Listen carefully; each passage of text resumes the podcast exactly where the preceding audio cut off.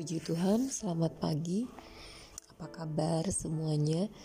Cuaca sekarang sedang dingin sekali ya. Dari malam hujan, terus di Bandung kemarin juga. Kiranya semuanya dalam kondisi yang hangat di rumah, memakai pakaian yang hangat, jaga kesehatan. Tuhan Yesus tetap menjaga dan melindungi saudara semua di mana pun berada. Puji Tuhan, renungan hari ini saya ingin bawakan masih tetap tentang kesaksian. Betapa pentingnya kesaksian orang-orang percaya, anak-anak Tuhan tetap dilakukan sampai zaman sekarang. Meskipun media-media sosial sekarang banyak khotbah-khotbah, renungan-renungan dan juga kita tahu bahwa uh, kita dapat memperoleh uh, firman Tuhan yang dikhotbahkan dari pendeta-pendeta terkenal dengan begitu mudah baik lewat YouTube, Facebook atau IG. Nah, saat ini saya rindu membacakan satu ayat di mana anak-anak Tuhan itu diharuskan untuk bersaksi. Dalam satu perikop cerita di Injil Lukas, tentang orang kaya dan Lazarus yang miskin.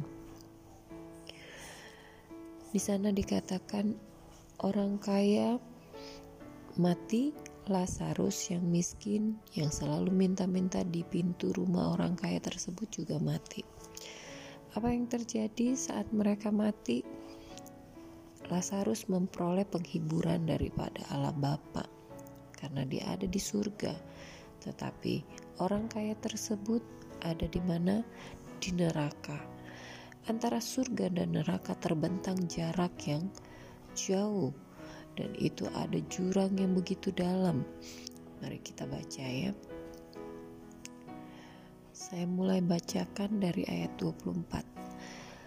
Lalu ia berseru katanya, Bapak Abraham, kasihanilah aku, suruhlah Rasarus supaya ia mencelupkan ujung jarinya ke dalam air dan menyejukkan lidahku, sebab aku sangat kesakitan dalam nyala api ini. Perkataan orang kaya tadi, tetapi Abram berkata, "Anak, ingatlah bahwa engkau telah menerima segala yang baik sewaktu hidupmu, sedangkan Lazarus segala yang buruk. Sekarang ia mendapat hiburan, dan engkau sangat menderita."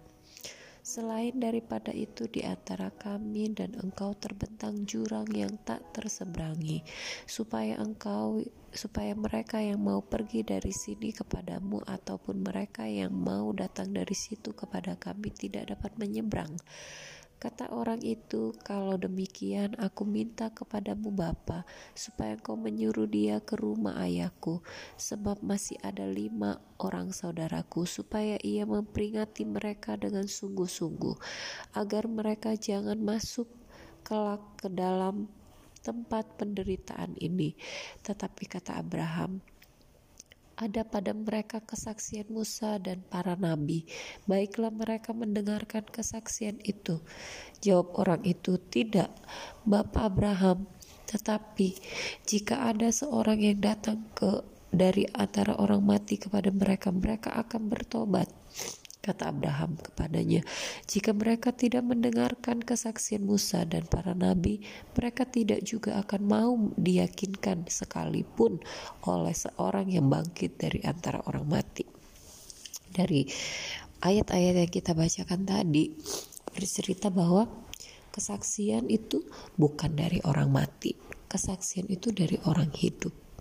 Oleh sebab itu, selama kita hidup, kita harus bersaksi tentang di mana ada surga, tempat orang-orang percaya akan terus hidup kekal, dan ada juga kehidupan kekal di neraka, di mana orang di neraka itu tidak mati, melainkan mereka menerima satu hukuman penderitaan yang kekal, api yang terus menyala-nyala dan tidak pernah padam itu harus menjadi satu kesaksian yang terus kita nyatakan kepada orang-orang sekeliling kita, keluarga kita, bahwa kita harus menjaga hidup kita benar, menjaga hidup kita tetap beriman kepada Tuhan Yesus, karena Dia yang pegang kunci surga, dan Dia juga yang uh, bertata di sana dan dia yang akan menghakimi dunia. Mari menjadi kesaksian hidup kita bukanlah apa yang kita dapatkan, apa yang kita punya. Kesaksian hidup kita biarlah tentang kerajaan Allah, tentang jalan kebenaran, tentang uh, hidup yang kekal yang akan kita terima bukan saja di dunia ini. Di dunia ini menjadi satu uh, tempat kita diuji, menentukan hasil kita nanti di kekal di surga atau di neraka. Jalan masuk surga itu sempit, harus sendiri-sendiri, tidak bisa bergandeng keluarga ataupun membawa saudara-saudara yang kita sayang. Masing-masing, mari jaga hidup kita, tetap berkenan kepada Tuhan, pribadi demi pribadi. Ajarkan kepada anak-anak cucu kita, ajarkan kepada generasi selanjutnya betapa kita harus terus berjalan dalam kebenaran firman.